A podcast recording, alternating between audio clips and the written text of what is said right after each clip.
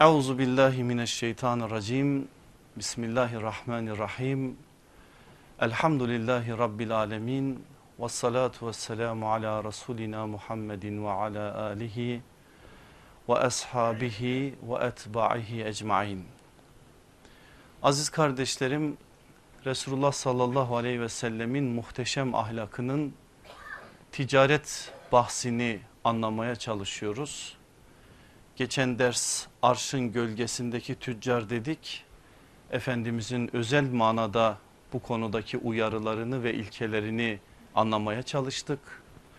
Biraz da kısmen de olsa Mekke'deki ticarete değindik. Bugünkü dersimizin başlığı Medine pazarından medeniyete olacak inşallah. Ve Efendimizin Medine hayatının üzerinden bir şekilde cihana bıraktığı o derin izleri anlamaya kavramaya çalışacağız. Allah bana hakkı söyletsin, nefsimi işin içerisine karıştırmasın, beni güzel bir ayna olarak kullansın inşallah. O asır saadetin güzel sayfalarını size yansıtabilme adına bir kamet ortaya koyabileyim. Sizin de zihninizi, aklınızı, yüreğinizi açsın. Aldığınız hakikatleri sadece bu mecliste bırakmasın. Ne büyük adamlarmış, ne güzel işlermiş dedirtip de kapıdan geçtikten sonra o büyüklükler, o güzellikler burada kalmasın. Şu anda zor zeminlerde ve zor zamanlarda ticaret yapma gibi bir imtihanla baş başa kalan siz kardeşlerime örnek olsun, model olsun, rehber olsun inşallah. Ben asıl konuma geçmeden konumla da çok yakından alakadar olan bir meseleye dikkatlerinizi çekmek istiyorum. Aleyhissalatü vesselam Efendimizin mübarek ellerinde yetişmiş sizin de çok yakından tanıdığınız bir sahabi efendimizin rivayet ettiği bir hadis üzerinden yine hem ticaret ahlakına hem de bugün söyleyeceklerime bir serlevha olsun sadedinde bir hadise dikkatlerinizi çekeceğim. Hadisi bize rivayet eden sahabi Ebu Said el-Hudri radıyallahu anh'tır. Tabi Ebu Said el-Hudri der demez aklınıza gelecek şeyler bellidir değil mi? Efendimiz aleyhissalatü vesselamın nübüvvet medresesinde yetişmiş en alimlerden biri o. En fakihlerden, en mücahitlerden, ticaret adına da ortaya kamet koyan birilerden bahsetmiş oluyoruz. Ama İstanbul'dan Ebu Said el-Hudri demenin de güzel bir mesajı var.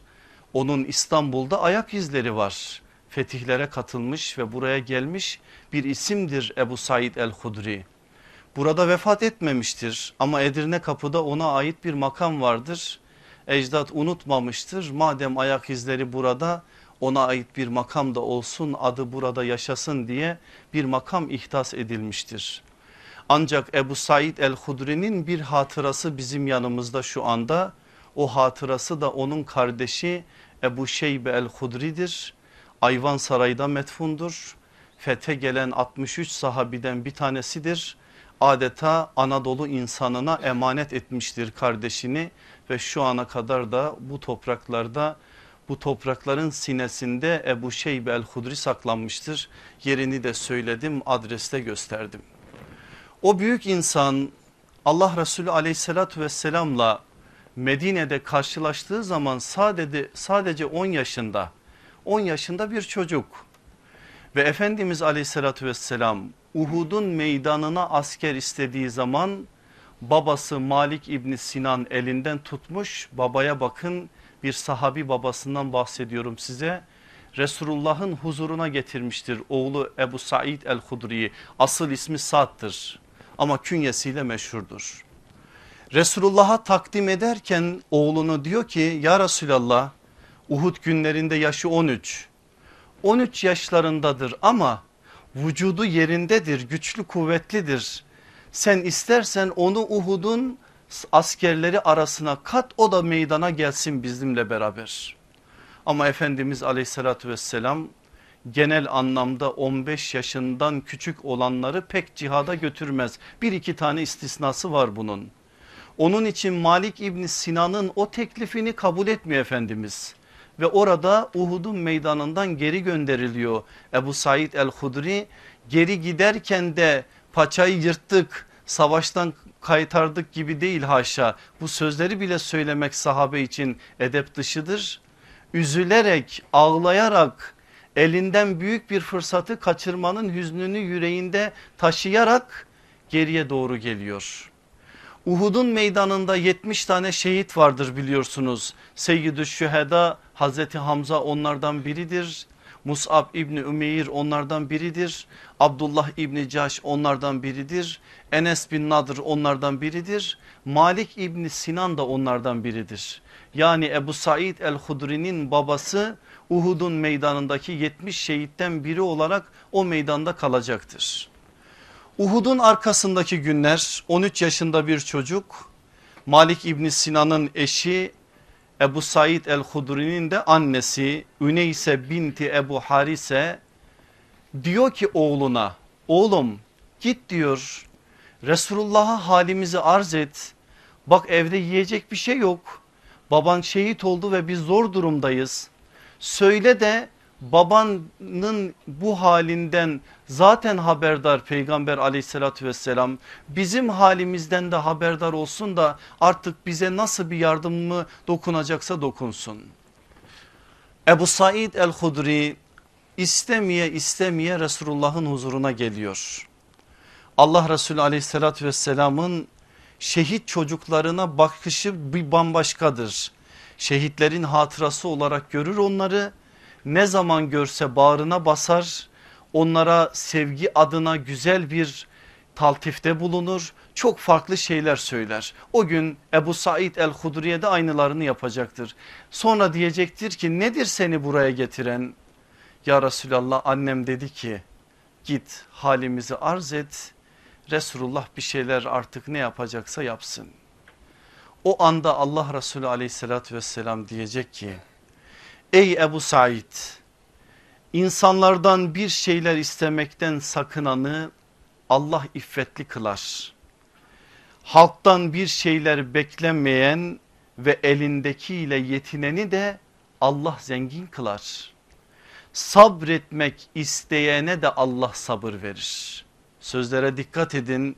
Her bir cümlenin üzerinde durmamız gerekir ama siz artık alacağınızı alın. İsteme haline sabret elindekinle yetin bu Müslüman için Müslüman olarak senin şahsiyetin için senin izzetin için daha hayırlıdır deyip gönderiyor.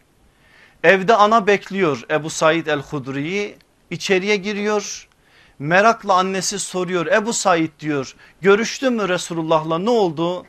Ana diyor görüştüm Allah Resulü aleyhissalatü vesselam bana şunu şunu şunu dedi benim başım yerinden kopsa bir kez daha ne Resulullah'tan ne de başka birinden hiçbir şey istemem diyor. 13 yaşındaki bir çocuğun Resulullah'ın sözüne karşı tavrı budur. Başım kopsa bir daha ne Resulullah'tan ne de başka birinden bir şey istemem. Ne yapıyor? Başını o taştan o taşa vuruyor. Oraya gidiyor oraya geliyor. Ziraat yapıyor, ticaret yapıyor, şunu yapıyor, bunu yapıyor. Bir taraftan da ilim yolunda seviye kazanıyor. Ve öyle bir noktaya geliyor ki dedim en başta sahabenin en fakihlerinden en alimlerinden biri oluyor. Şu anda biz Allah Resulü aleyhissalatü vesselamın kutlu sözlerini 1170 tanesini onun üzerinden okuyoruz. Dikkat buyurun nasıl birinden bahsettim size muksirun dediğimiz hadis rivayetinde adı alt alta yazılan 7-8 isimden bir tanesi olarak Allah Resulü aleyhissalatü vesselamın kutlu lisanından bize tam 1170 tane hadis rivayet etmiş. Yaslanmadan ilim öğrenilir mi? Alın size cevabı. Kim demiş öğrenilmeyeceğini? Sahabe bunun en güzel işareti en güzel örneğidir o insan o büyük insan yaslanmadan ziraat yaparak ticaret yaparak bir şekilde helal lokma kazanan ve bu konuda da güzel bir örnek olan o büyük insan Allah Resulü aleyhissalatü vesselamdan bir hadis duyuyor ve bize o hadisi rivayet ediyor. Ben defaatle size derslerde söylediğim bir şey vardır bir daha tekrarında fayda var. Sahabenin rivayet ettiği hadislerin üzerinden de biz sahabenin şahsiyetinin anahtar kavramlarını tespit edebiliriz. Çünkü her bir sahabi bir yönüyle hassas olduğu meseleyi zihninde saklıyor. Her bir sahabi kabiliyetine mizacına uygun olan sözleri aktarma konusunda hassas davranıyor. Bunun örnekleri çoktur. Bazıları vardır kurban nesildir Ebu Hureyre gibi alır aktarır hepsini. Onun görevi odur. Hadisleri aktarmaktır. Onun istihdamı da onun içindir. Ama özel olarak sahabenin içerisinde hadis aktarımı konusunda biz böyle bir hakikati de unutmamamız gerekir. Buraya bir virgül koyuyorum bir yere daha götürüyorum sizi. Her gün biz Fatiha'da ne istiyoruz Rabbimizden? Çok şey de son üçü üç cümle bizim için önemli. Allah'ım diyoruz bizi nimet verilenlerin yoluna ilet. Bizi dalalete sapan ve gazaba uğrayanların yoluna değil. En'amte aleyhim gayril mağdubi aleyhim veleddallin. Üç sınıf. İbn Abbas'ın tefsiriyle gayril mağdubi aleyhim Yahudiler. Veleddallin Hristiyanlar. En'amte aleyhim kim? En'amte aleyhim Müslümanlar. Müslümanların içerisinden kim? Nisa 69 imdadımıza yetişiyor. Dört sınıf sayıyor bize. Nebiler, sıddıklar, şehitler ve salihler. Allah'ım bizleri de onlarla beraber eyle inşallah. Bu dört sınıf büyükler, büyük diye isimlendirmeyi hak edenler ve cihana ayak izleri bırakanlar. Bataklıkta yürümek mi istiyorsun? Kendini riske atma. Bu dört sınıfın bıraktıkları ayak izleri var. Bas onlara yürü. Onlara basar yürürsen bataklıkta selametle çıkarsın. Bu dört sınıftan olmak hepimizin en önemli idealidir değil mi? Israrla ve tekrarla bizim büyüklerin ayak izlerine dikkat çekmemiz, büyüklerin dünyası dememiz de bundan zaten. Ama şimdi size aktaracağım hadiste başka bir şey söylüyor aslında Efendimiz. Bir üst seviyeyi bize işaret ediyor. Ne diyor biliyor musunuz aleyhissalatü vesselam Efendimiz? Doğru ve emin tacir cennette peygamberlerle sıddıklarla şehitlerle beraberdir. Ya Resulallah salihler ne oldu? Salihler nereye gitti? Salihler onlar oldu işte. Salihler emin ve sadık tüccar oldu. Doğru sözlü emin olan tüccar aslında cevamiül kelim olan Resulullah sallallahu aleyhi ve sellemin bu beyanıyla salihlerden oldu. Şimdi biz dördünden olmaya çalışıyorduk ya da daha doğru ifadeyle dördüne yakın olmaya çalışıyorduk. Resulullah sallallahu aleyhi ve sellem bize bir ufuk verdi dedi ki eğer emin ve sadık tüccar olursan sen salihlerden olursun sana heveslenir insanlar seninle beraber olmak için. Bir ufuk koydu Efendimiz bize inşallah bütün tüccarların ufku olsun. Allah bizleri de onlarla beraber eylesin. Bu serlevhayı unutmayalım. Gelelim Allah Resulü aleyhissalatü vesselamın bir medeniyet kurarken pazarı, çarşıyı o medeniyetin temeline nasıl yerleştirip oradan nerelere işi vardırdığını anlamaya ve tabi bu tarihi malumat içerisinde de asıl almamız gereken mesele olarak ticaret ahlakını anlayıp o ahlakı bugünün dünyasında üretmeye. Resulullah sallallahu aleyhi ve sellem 13 yıl Mekke'de çektiği sıkıntıları biliyorsunuz. Onun ticari hayatını size anlatacağım bir sonraki derste 13 yıllık Mekke'deki ticaretini de anlatacağım o ayrı bir bahis. Mekke'den sonra Efendimiz aleyhissalatü vesselam Medine'ye gelince Medine bambaşka bir yer. Bambaşka özellikleri var Medine'nin. Ne coğrafi olarak ne iklim şartları olarak ne halkın sosyal ve kültürel anlamdaki yapısı itibariyle Mekke'ye benzemiyor. Bakın meseleye biz ticari çerçeveden bakarsak Mekke'deki ticaret şöyle yürüyor. Dışarıdan mal alınıyor ve insanlara mal satılıyor. Dolayısıyla Mekke tüccarları üreticisi olmadıkları malı satıyorlar. Çünkü coğrafya buna müsait değil herhangi bir ticaret yapılamıyor, herhangi bir mal üretilemiyor. Coğrafi şartlar buna engel olduğu için bütün mallar Yemen'den, Mısır'dan, Şam'dan, Hindistan'dan, Bahreyn'den şuradan buradan geliyor ve Mekkeli insanı o malları alarak satıyor. İlerleyen süreçlerde Resulullah sallallahu aleyhi ve sellemin üçüncü göbekten dedesi olan Haşim'le birlikte de bizatihi malı getiren taraf Mekkeli tüccarlar oluyor. Ama Medine'ye gelince Medine farklı. Medine'nin bir kere coğrafyası tarıma elverişli. Tarıma elverişli olan bir coğrafyada hayvancılık da olur. Hayvancılığın olduğu bir yerde de en azından hayvancılık üzerinden sanayi de olur sütünden faydalanılır, süt işletmesi yapılır, bir şeyler üretilir, derisi işlenir, satılır ve bir şekilde oradaki ticaret Mekke'den biraz daha farklı olur. Ve gerçekten de böyledir. Resulullah sallallahu aleyhi ve sellem Medine'ye hicret ettiği zaman Medine'nin nüfusu 10 bin. Bu 10 binin 6 binini Araplar oluşturuyor, 4 binini ise Yahudiler oluşturuyor. Bu Yahudiler ve 4000 miktarda olan Yahudiler ve 6000 adette olan Araplar büyük bir kısmı da ticaret ve ziraatla uğraşıyorlar. Ellerinde bu imkan olmayanlar da büyük ticareti olanların yanında yine ticari bir meselede çalışıyor. Resulullah sallallahu aleyhi ve sellem de böyle bir hale böyle bir zemine hicret ediyor. Araplar nüfus itibariyle fazla olmasına rağmen bakın size 14 asır öncesini anlatacağım ama zannedeceksiniz ki bugünü anlatacağım. Değişen hiçbir şey yok zaten aynı tas aynı hamam.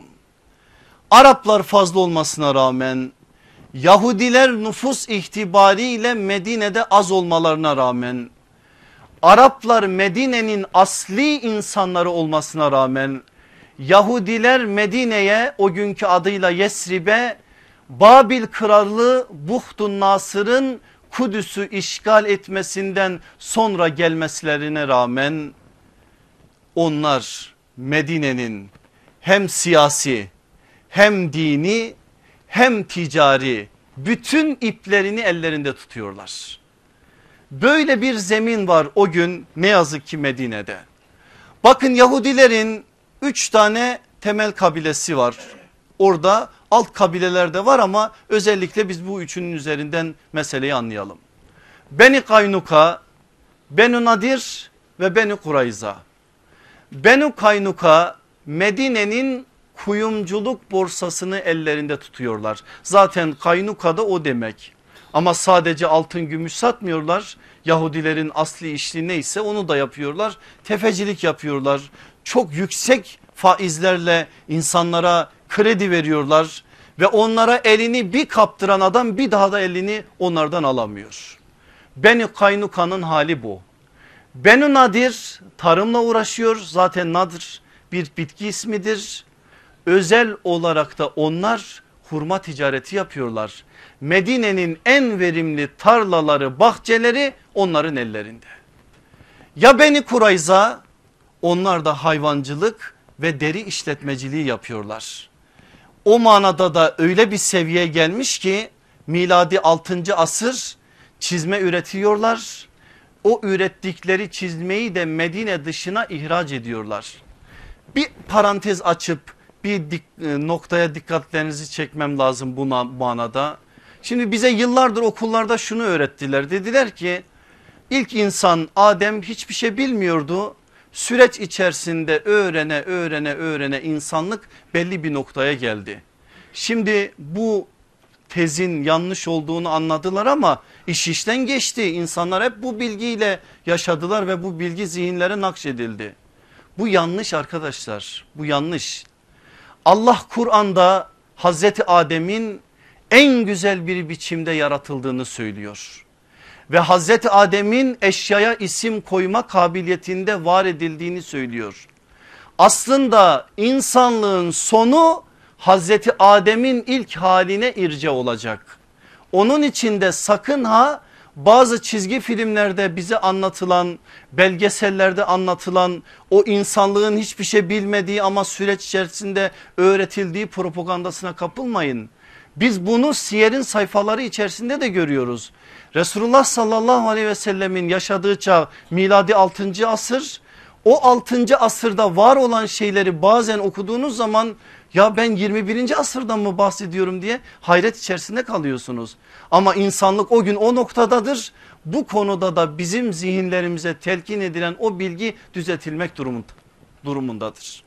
Şimdi Yahudiler bu halde ve o gün Medine'nin dört tane büyük çarşısı var. Dört büyük çarşısı da Yahudilerin elinde. Genel anlamda bir kuralları da var Yahudilerin. Ben bu cümleyi aynen size okuyacağım.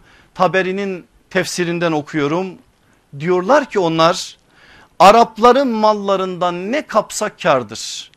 Ve bu hususta bizler mesul ve günahkar olmayız. Zira onlar bu yolda hak değiller. Batıl gördükleri için Arapları ne kadar kazıklasak hiç önemli değil. Haktır, hukuktur böyle bir şey yok. Onun içinde pazarda dört tane ana pazarda Yahudiler pazarın bütün iplerini ellerinde tutanlar olarak Arapların adeta iflahını söküyorlar. Araplar da o gün zaten birbirlerine düşmüş durumda. İki tane aynı kökte birleşen kabile Evs ve Hazreç kabileleri 175 yıldır aralarında savaş var. Ne zaman savaş durmaya yüz tutuyor bir barış ortamı olacak Yahudiler bir ateş atıyorlar o iki kabile arasına bir daha birbirlerine düşüyorlar. Bugün anlatıyorum değil mi? Yoksa o günü mü anlatıyorum size bırakıyorum. İstemiyorlar onların birlik ve beraberliklerini çünkü böyle bir şeyin onların sonu olacaklarını çok iyi biliyorlar. Resulullah sallallahu aleyhi ve sellem böyle bir zemine geliyor. Ama bizim iman ettiğimiz peygamberimiz öyle birisi ki öyle bir ufuk var ki öyle bir adım var ki bugün biz Müslümanlar olarak bunu anlamadığımız için halimiz böyle zaten. Sadece biz siyer dediğimiz zaman 3-5 tane tarihi malumatı ezberlemeyi siyer zannetmişiz yıllar yılı.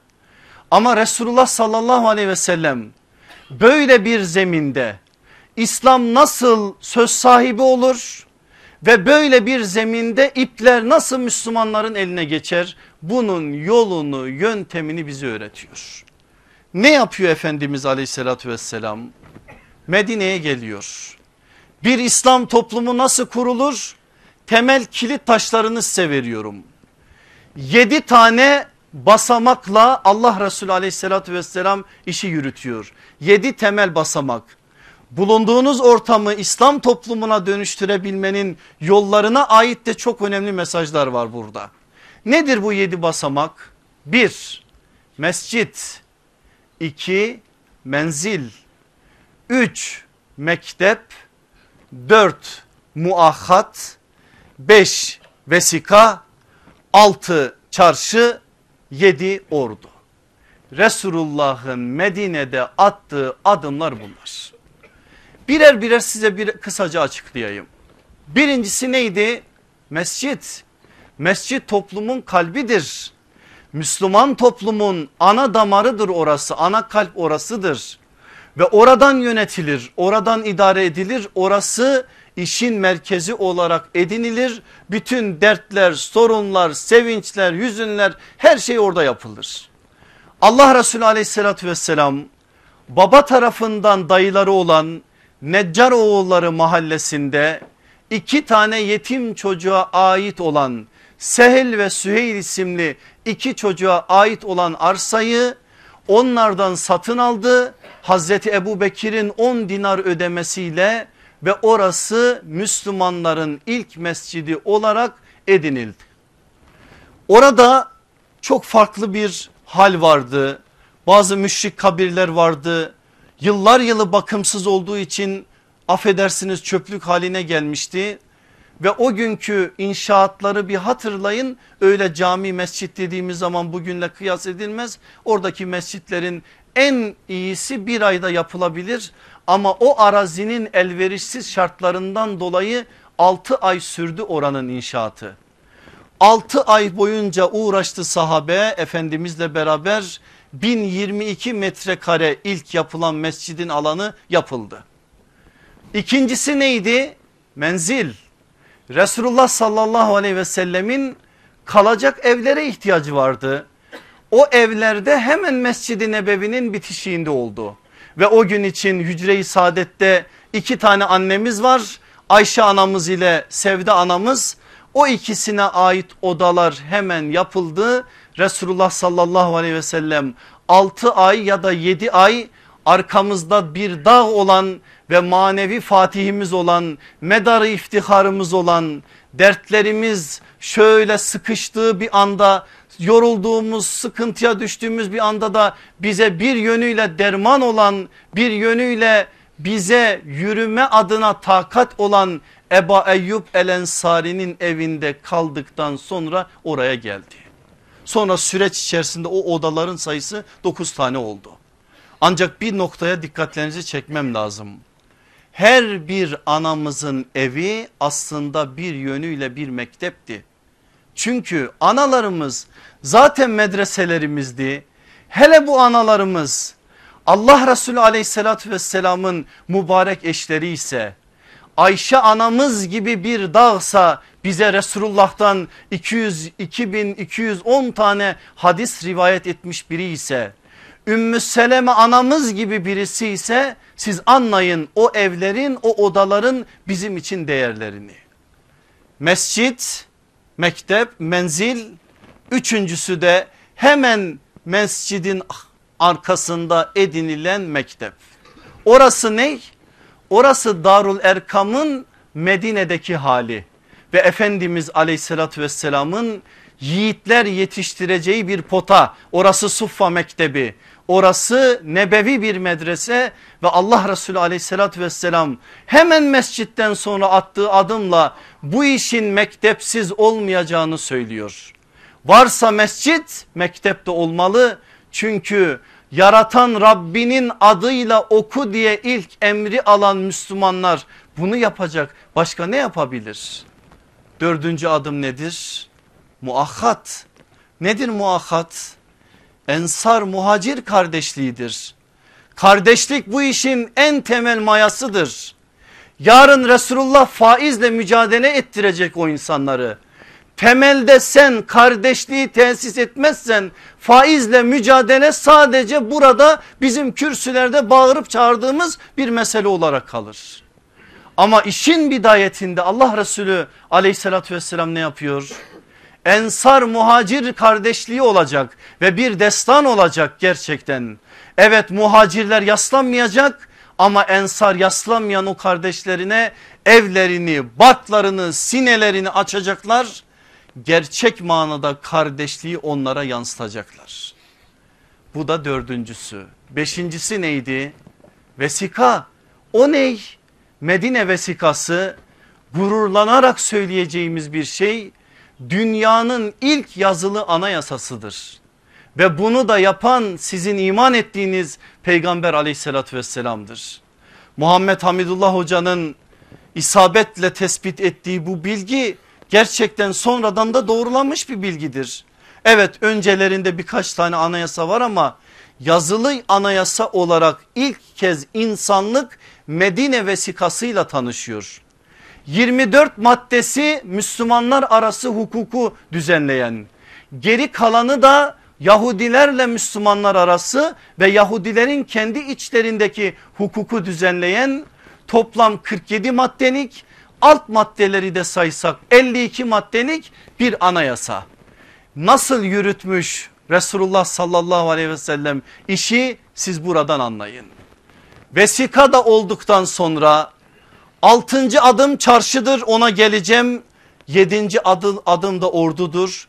O orduyu da Efendimiz aleyhissalatü vesselam önce istihbarat teşkilatını kurarak sonra orduyu kurarak yapmıştır. Önce istihbarat teşkilatını aşere-i mübeşşereden iki isim Talha İbni Ubeydullah ve Said İbni Zeydi işin başına geçirerek ne var ne yok bölgeden bana haber getirin diye tesis etmiş.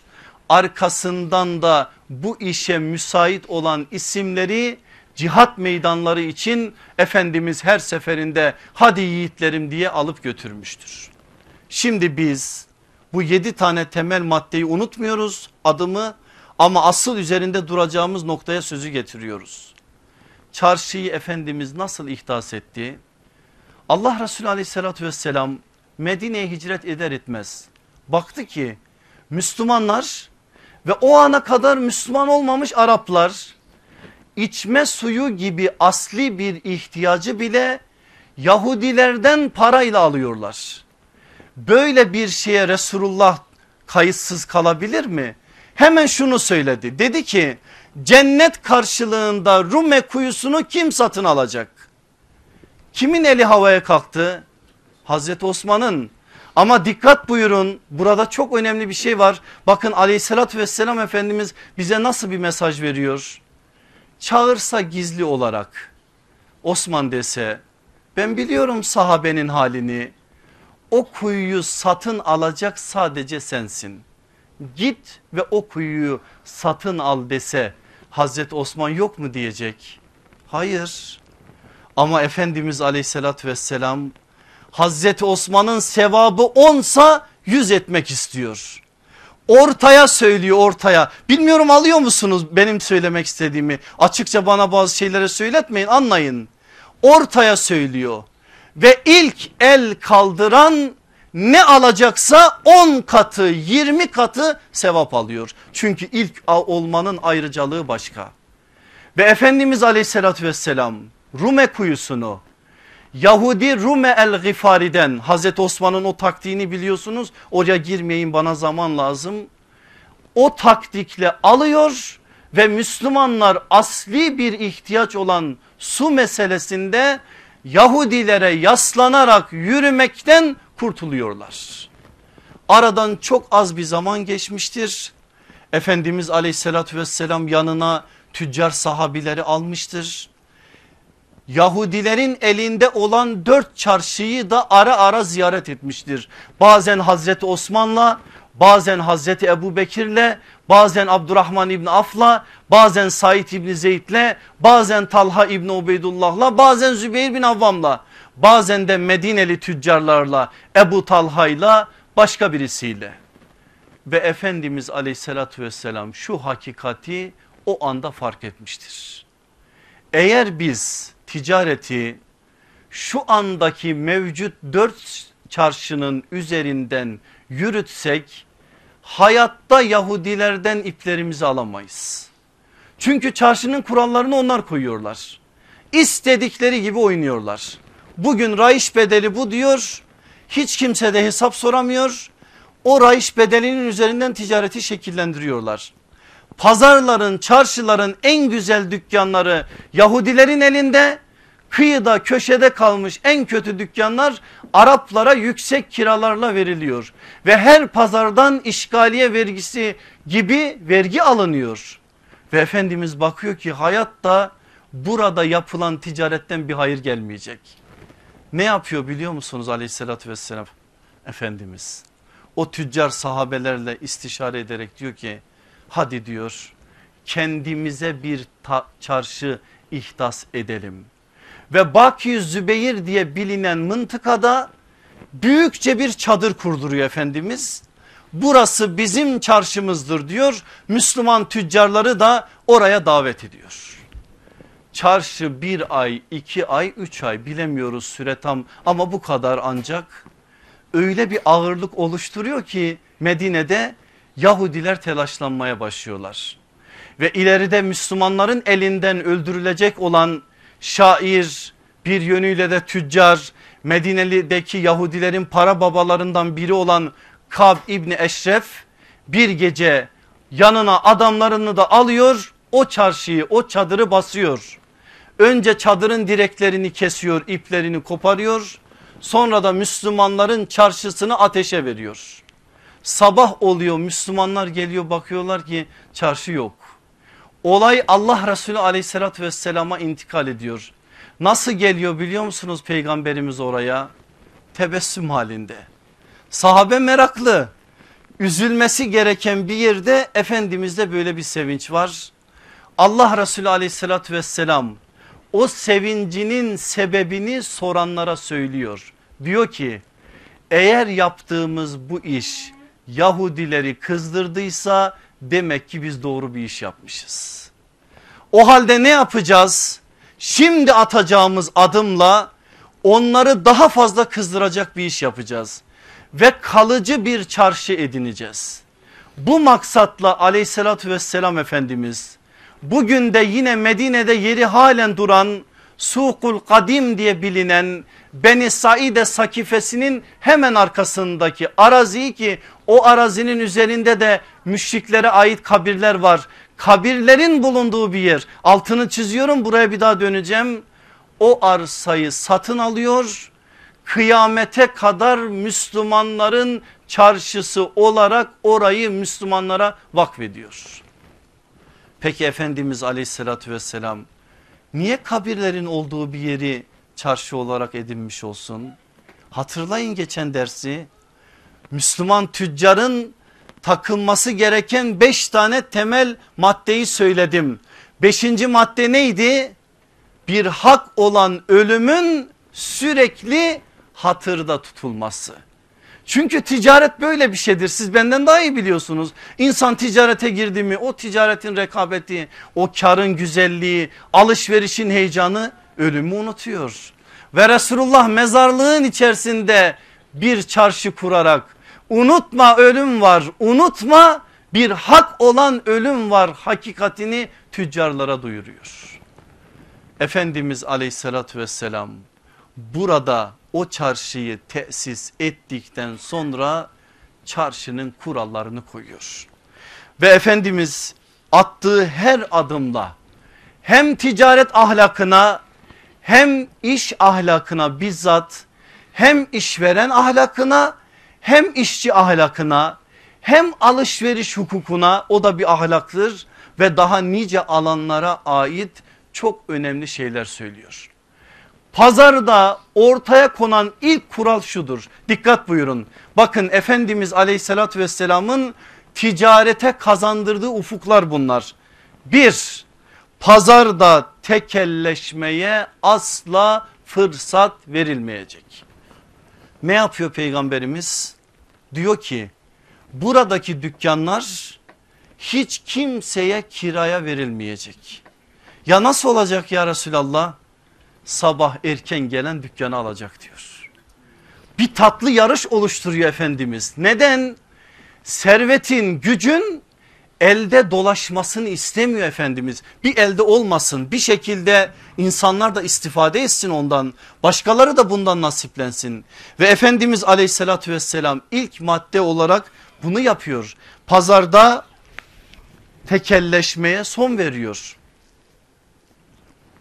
İkincisi Efendimizin attığı adımlar pazar vergisini kaldırıyor.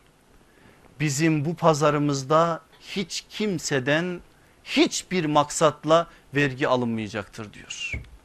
Medine'de de alınıyor diğer çarşılarda dikkat buyurun Mekke'de de alınıyor.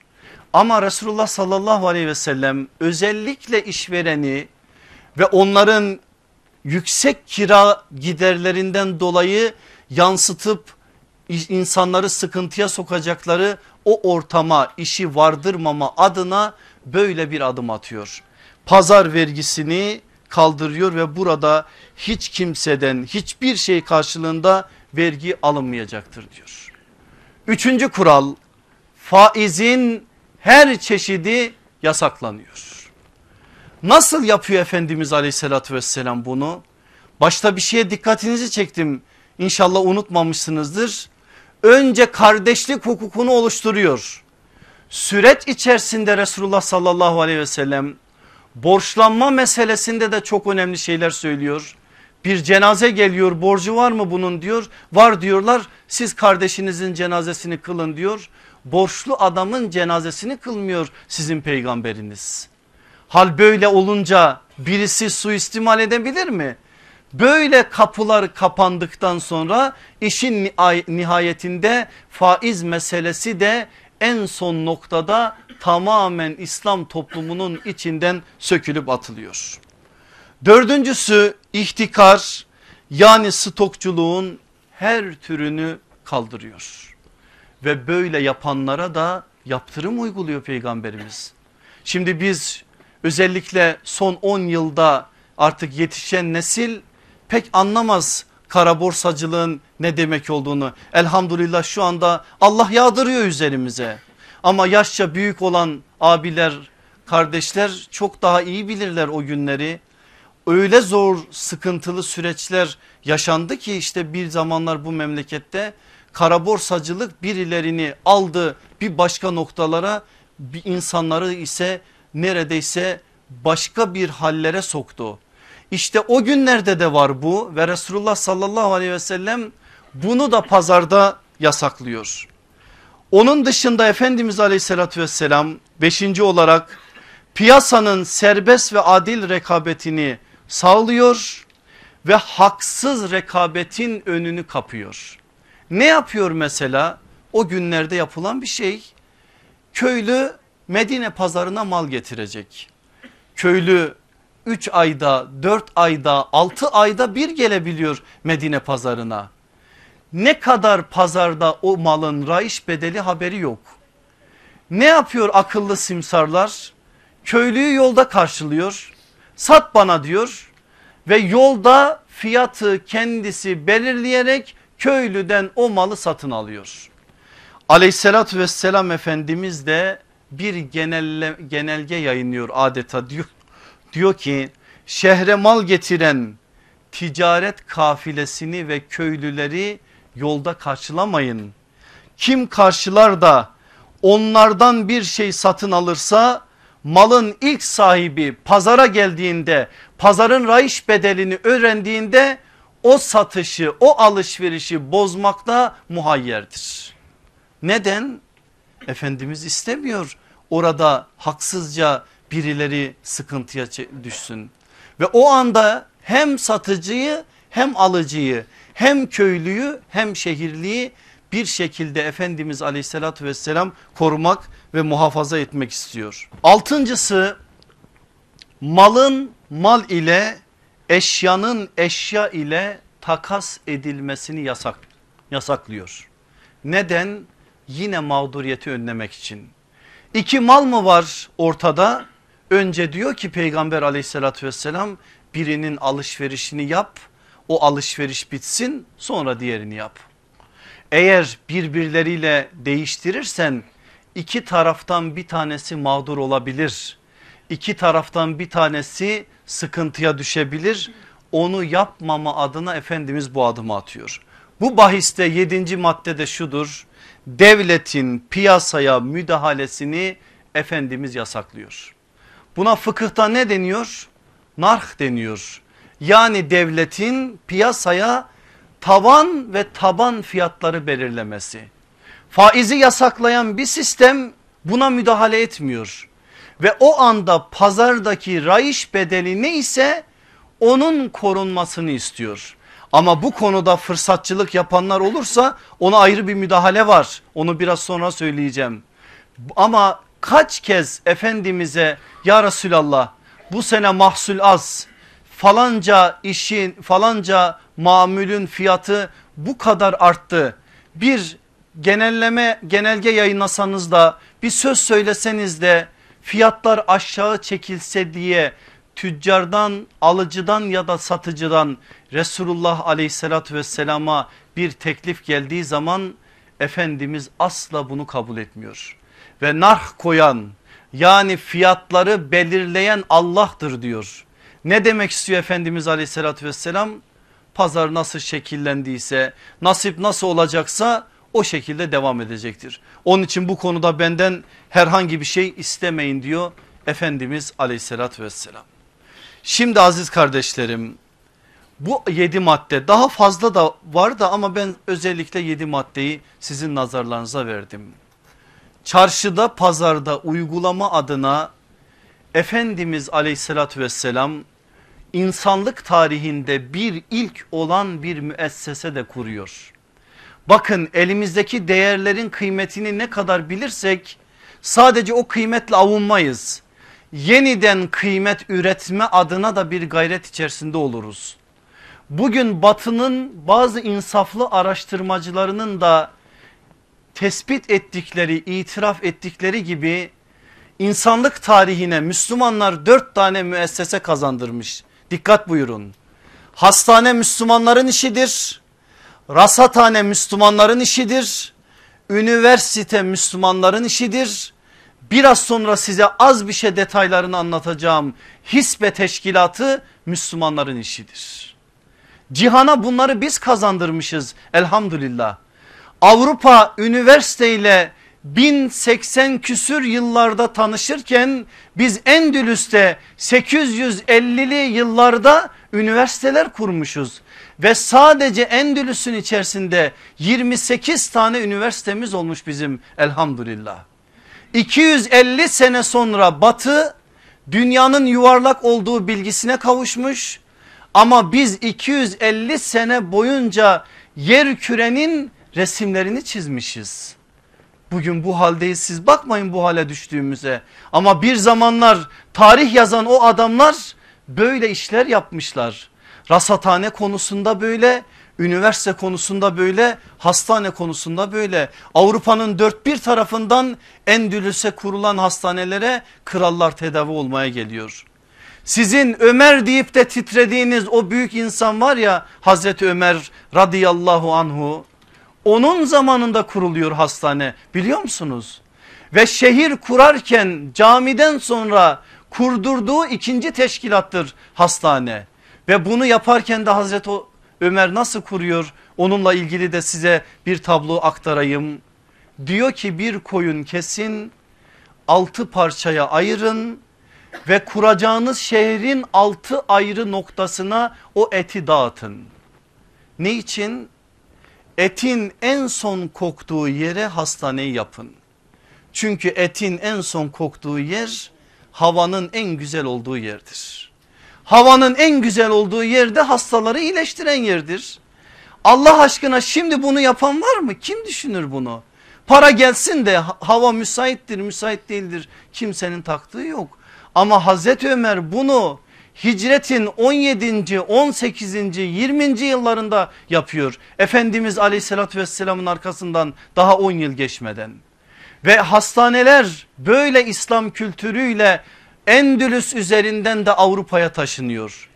İşte o müesseselerden biri olarak hisbe teşkilatı da bizim üzerinde durup kafa yoracağımız, anlayacağımız, ticaret ahlakını öğreneceğimiz bir teşkilattır. Nedir hisbe teşkilatı? Bugünkü karşılığı ya polistir ama özel olarak da aslında zabıtadır. Çünkü genel anlamda evet şehrin genel asayişinden sorumlu olmalarına rağmen mühtesiplerin özel işi çarşıyı pazarı kontrol etmektedir. Ve Efendimiz aleyhissalatü vesselam bu işin ilk ismidir biliyor musunuz? İlk mühtesip Resulullah'tır. Sonra Hazreti Ömer'dir. Efendimiz aleyhissalatü vesselam çarşı büyüyüp Mekke'de Mekke'ye de yayılınca Hazreti Ömer'i bir dönem kullanıyor Medine'de bir başka dönem Abdullah İbni Said'i kullanıyor. Daha sonra fetihten sonra Mekke'yi kontrol etmesi için Said İbni As'ı Efendimiz istihdam ediyor. Daha da ilginç bir şey söyleyeyim size. Resulullah sallallahu aleyhi ve sellem iki tane hanım sahabiyi bu iş için Medine pazarında istihdam ediyor. Şifa binti Abdillah, Semra binti Nüheyk. Bu iki isim çarşıda pazarda zabıta görevi görüyorlar. İslam medeniyetine bakın medeniyete bakın da hizaya gelin. nasıl adımlar atılmış nasıl bir noktaya gelinmiş medeniyet nasıl oluşturulmuş miladi 6. asırdan size tablolar söylüyorum. Ne yapıyor bu mühtesipler? Çarşıyı pazarı dolaşıyorlar ve her türlü şeyi kontrol ediyorlar. Sadece birkaç tane örnek vereceğim size. Çarşı ve pazarın genel nizamını ve işleyişini kontrol ediyor bunlar. Kim eşyayı dükkanının önüne çıkararak insanların geçiş yollarına engel olmuş. Anında mühtesip ona müdahale eder. Adam gelmiş devesini affedersiniz atını insanların yol güzergahına bağlamış anında müdahale eder. Zaten Efendimiz aleyhissalatü vesselam şehircilik adına da bir adım atmıştır ve şöyle bir genelge yayınlamıştır. Ben hadisleri bu manada böyle söyledim bugün gerçekten genelgedir. Ne demiştir biliyor musunuz? Pazara gelen yolların genişliği yedi ziradan az olmayacak. Neden ya Resulallah? Pazara gelen yollar yüklü develerin geçtiği yollardır ya iki tane yüklü deve de yan yana ancak 7 ziralık bir mesafeden rahat geçebilir. 7 zira bugün kaç metreye tekabül eder? 3,5 metre. Bütün pazara gelen yolların ölçüsü budur. Şehirciliği görüyor musunuz? İmara bakın imara. Efendimiz aleyhissalatü vesselam ticaret aksamasın iş rahat yürüsün diye böyle bir adım atıyor.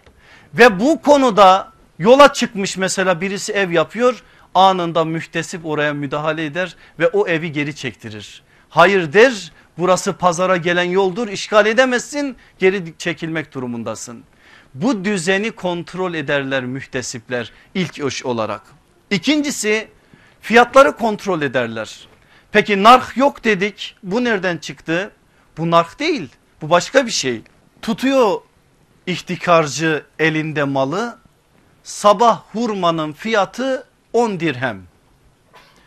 İkindiye kadar satmıyor o güzel hurmayı tezgahın altında toplamış saklamış. İkindiden sonra ihtiyaç fazlaca arttığı için aynı hurmayı 12'ye 15'e satıyor. Ve mühtesip pazarın içerisinde dolaşıyor yapamazsın diyor bunu. Pazarın sabahleyin fiyatı neyse akşamda öyle olacak. Fiyatı kontrolü bu yoksa devletin piyasaya müdahalesi değil. O narh ile çelişen bir durum yok burada. Buradaki fiyatların kontrol edilmesidir. Üçüncüsü ne? Ürünlerin kalitelerini kontrol ediyorlar. Hepinizin bildiği bir hadise var. Efendimiz aleyhissalatü vesselam ilk mühtesip olarak pazarı dolaşırken bir de bakıyor ki elini daldırıyor bir buğday çuvalına bazı rivayetlerde hurmadır. Üstü kuru altı yaş. Niye böyle yapıyorsun diyor. Ya Resulallah gelirken yağmur yağdı ıslandı. E ben öyle yapmasam kim alacak diyor. Hayır diyor öyle yapma. İkisini ayrı ayrı sergile. Ona ayrı bir fiyat koy buna ayrı bir fiyat koy. İnsanlar görsün alacaklarını. Mesela o mühtesiplerin yaptığı bir şeyi söyleyeyim. Şimdi affedersiniz hayvancılıkla uğraşanlar bunun modern bir versiyonunu anlayacaklardır. Ne yapıyorlar biliyor musunuz o gün hayvan alım satımı yapanlar özellikle satıcılar koyunlarını 3 gün sağmıyorlar. Memeler şişiyor şöyle sütle pazara geliyor koyun alıcı zannediyor ki bu çok süt veren bir koyun götürüyor bir sağıyor iki gün üç gün sonra bir daha sağıyor o sağdığının yarısının yarısını bile alamıyor. Ve böyle bir şikayet Resulullah'a ya da mühtesibe ulaştığı zaman Efendimiz aleyhissalatü vesselam öyle bir alışverişi geçersiz sayıyor. Adam geri dönebilir. Sadece sütünün parasını verir ve o malı iade edebilir. Şimdi ne yapıyorlar? Mesela canlı hayvanla uğraşanlar bilecekler. Zavallı hayvanı 2-3 gün aç bırakıyor. Sonra tuz yediriyor. Sonra da su içiriyor. Getiriyor kantarın başına. Hayvan neyse yüzde on yüzde yirmi 20 farklı kilo veriyor. İşte bu nedir? Bu yasaktır. Ve ne demiş bizim iman ettiğimiz peygamberimiz? O buğday üzerinden aldatan bizden değildir. Aldattın mı karşıdakini? Ha çürük domates vermişsin ha başka bir şey vermişsin fark etmez. Aldattın mı?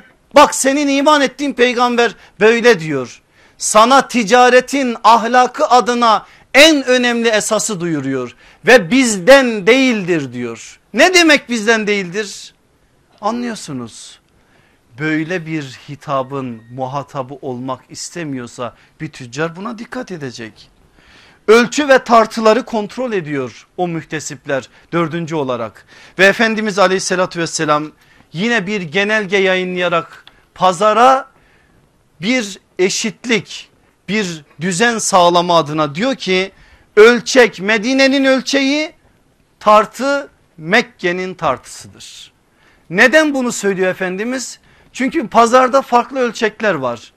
Ve tüccarın satıcının hoşuna giden özellikle ona kar getiren ne varsa o zaman işine geleni onunla tartıyor onunla ölçüyor. Ama Efendimiz bir standart getiriyor. Hayır diyor ölçek Medine'nin ölçeği tartı Mekke'nin tartısı. Mühtesipler de dolaşıyorlar bugünkü zabıtalar gibi bunları kontrol ediyorlar. Gerçekten ölçek tam mı tartı tam mı? Eğer bu konuda en ufak bir sıkıntı varsa Allah korusun artık ne olacağını siz düşünün. Beşincisi yapılan iş neceşe ne demek neceşe müşteri kızıştırmaya engel oluyorlar. O gün yapılan bir uygulama bu. Bugün bilmiyorum modern versiyonları var mı bunun? Ben söyleyeyim siz bugüne kıyaslayın. Ben al, satıcıyım sen alıcısın. Üçüncü bir şahıs geliyor dışarıdan ne alıcı ne satıcı ama mala talip oluyor. Böyle yaparak işi kızıştırıyor. Diyor ki bak sen almazsan ben alacağım diyor. Benim verdiğim fiyatta bu aslında alacağı yok. Ama adam o üçüncü şahsa kaptırmamak için mal alıyor. Mühtesipler dolaşıyorlar pazarda. Eğer işi gücü bu olan o gün sektör olmuş bu. Böyle adamlar varsa anında bunlar pazardan çıkarılıyorlar.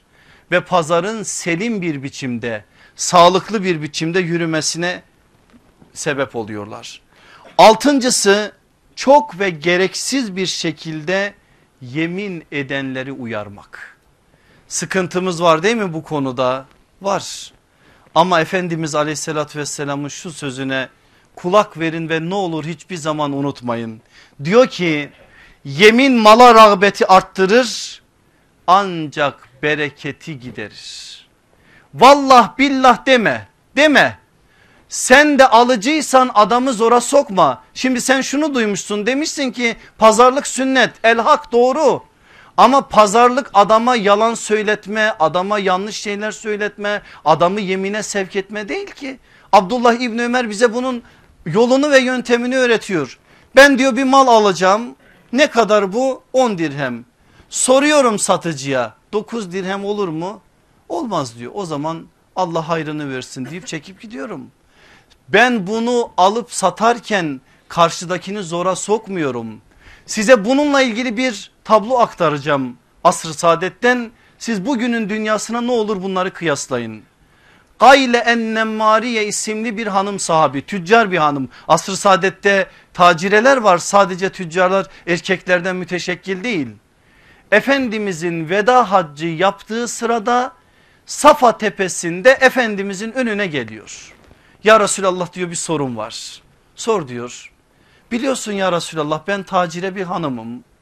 Bazen mal almak istediğim zaman malın ederi 10 ken ben karşıya 5 teklif ediyorum.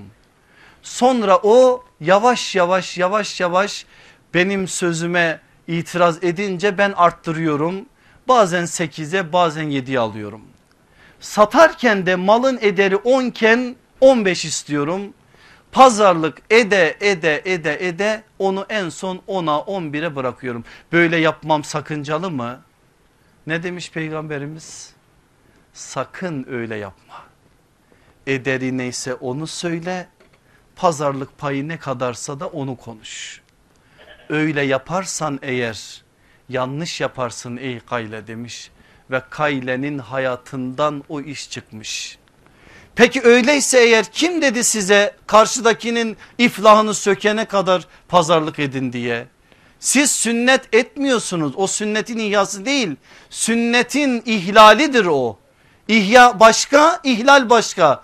Evet pazarlık sünnet ama ölçülü olmalı ve en önemli sünnet semahat alırken satarken kolaylık göstermek onu yaparsan eğer ihya etmiş oluyorsun iman ettiğin peygamberinin sünnetini.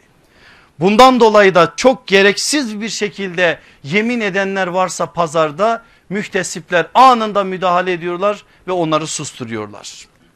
Yedincisi bu konuda da son madde bu. Haram kılınmış malların alım satımını engelliyorlar mühtesipler. Peki sahabe haram kılınmış bir malın alışverişini yapar mı ki? Niçin böyle bir madde var? Onun bir sebebi var. Şimdi o gün tüccarlar geliyorlar dışarılardan nereden Şam'dan Yemen'den şuradan buradan 5-6 aylık yollar bazen çoğu Medine'ye ilk kez gelmiş. O güne kadar domuz etine dair bir hüküm beyan edilmemiş. Leşe kana dair bir hüküm beyan edilmemiş. İçki konusunda Allah nihai hükmü söylememiş. Ne oluyor? Pazara getiriyor satmak için affedersiniz şarapları içkileri Mühtesipler kontrol ediyorlar satılan malda haram bir ürün var mı yok mu diye. Varsa eğer anında müdahale vardır. Bu konuda size iki tane örnek vermek istiyorum. Keysan isimli bir tüccar. Ne tüccarı biliyor musunuz bu? Şarap tüccarı. Haberi yok almış gelmiş Şam'ın en güzel şaraplarını en güzel ifademden dolayı beni mazur görün aynen kaynaklarda böyle geçiyor çokça almış gelmiş ama hükümden haberdar değil. Resulullah da Hazreti Ömer'le beraber pazarı kontrol ediyor. Keysan'ın sattığı şarapların önüne geliyor Efendimiz. Keysan diyor içki konusunda Allah şöyle şöyle dedi artık bunun alışverişi haramdır ne yapıyor Keysan? Belki de adamın tek sermayesi o. Ama en ufak bir itiraz yok öyle mi ya Resulallah? Alıyor eline bıçağı birer birer o şeyleri artık neyin içerisindeyse şişeleri tulumları deliyor ve içkiyi sokağa bırakıyor. Mühtesiplerin yaptığı bu. Buna benzer bir rivayet daha aktarılır. Feyruz Eddeylemi isimli Yemenli tüccardan o zat da şarap yapılsın diye pazara üzüm getirmiş. Ama ciddi miktarda bir üzüm getirmiş. Resulullah sallallahu aleyhi ve sellemin bu konudaki hükmünü duymuş. Allah Resulü'nün huzuruna geliyor. Ya Resulallah diyor biz şarap yapılsın diye üzüm getirdik ama hüküm böyle olmuş. Ne yapacağız şimdi biz bu üzümleri? Efendimiz diyor ki kurut o üzümleri kuru üzüm olarak sat. Ya Resulallah tonlarca üzüm kim kuru üzüm olarak alabilir ki? Ne yapayım diyor Feyruz ister şerbet yap ister hoşaf yap ister kuru üzüm olarak sat nasıl satarsan sat ben Allah'ın hükmünü değiştirecek bir halim yok ki. Ve orada da böyle bir adım attırıyor. Bakın müktesiplerin yaptığı ticaret ahlakını tesis etme adına o pazarda uyguladıkları sistemde böyle. Ve böyle bir pazar çok geçmeden hicretin dördüncü yılında beşinci yılında Yahudilerin elinde olan o sistemi tamamen Müslümanların eline koyuyor ve o pazardan cihana neler neler yayılıyor. Resulullah sallallahu aleyhi ve sellem kurduğu mescitle Müslümanların kalplerini doyurdu kurduğu mekteple Müslümanların akıllarını ikna ile doyurdu. Kurduğu çarşıyla da Müslümanların midelerini helalle doyurdu. Ve atılan her adımla da bize çok önemli mesajlar verdi. Onlar kendilerine düşeni yaptılar. Gerçekten o güzide insanlar Resulullah'ın kendilerine söyledikleri her şeyi üzerlerine aldılar ve bir medeniyet oluşturdular. Dikkat buyurun söyledim bir daha dikkatlerinizi çekiyorum. 1022 metrekarelik bir mescitten ki o mescidin ne altında halısı ne üstünde çatısı vardı. 1022 metrekarelik bir mescitten koca bir İslam medeniyeti oluşturdu Efendimiz bu attığı adımlarla. Şimdi sahnede sen varsın ey 21. asrın tüccarı. Sermaye olarak da Resulullah sana Kur'an gibi bir kelamı o Kur'an'ın fiili anlamda uygulanışı olan sünneti de miras olarak bırakıp gitti. Rolünü oynarsan eğer müjde hazır nebilerle, sıddıklarla, şehitlerle berabersin. Ya rolünü oynamazsan ne olacağını sen bil. Allah bizi istihdam ettiği alanların hakkını verenlerden etsin. İş kaçkınlarından etmesin. Orada istihdam edilmişken sevki ilahi bizi ticaret alanına sevk etmişken kaşını gözünü yararak üç kuruşluk dünya menfaati için bize farklı şeyler yaptıranlardan yapanlardan etmesin. Hakkını verdirip hakkını teslim edip sonunda da en başta söylediğim o müjdeye nail olanlardan eylesin inşallah. Velhamdülillahi Rabbil Alemin. El Fatiha.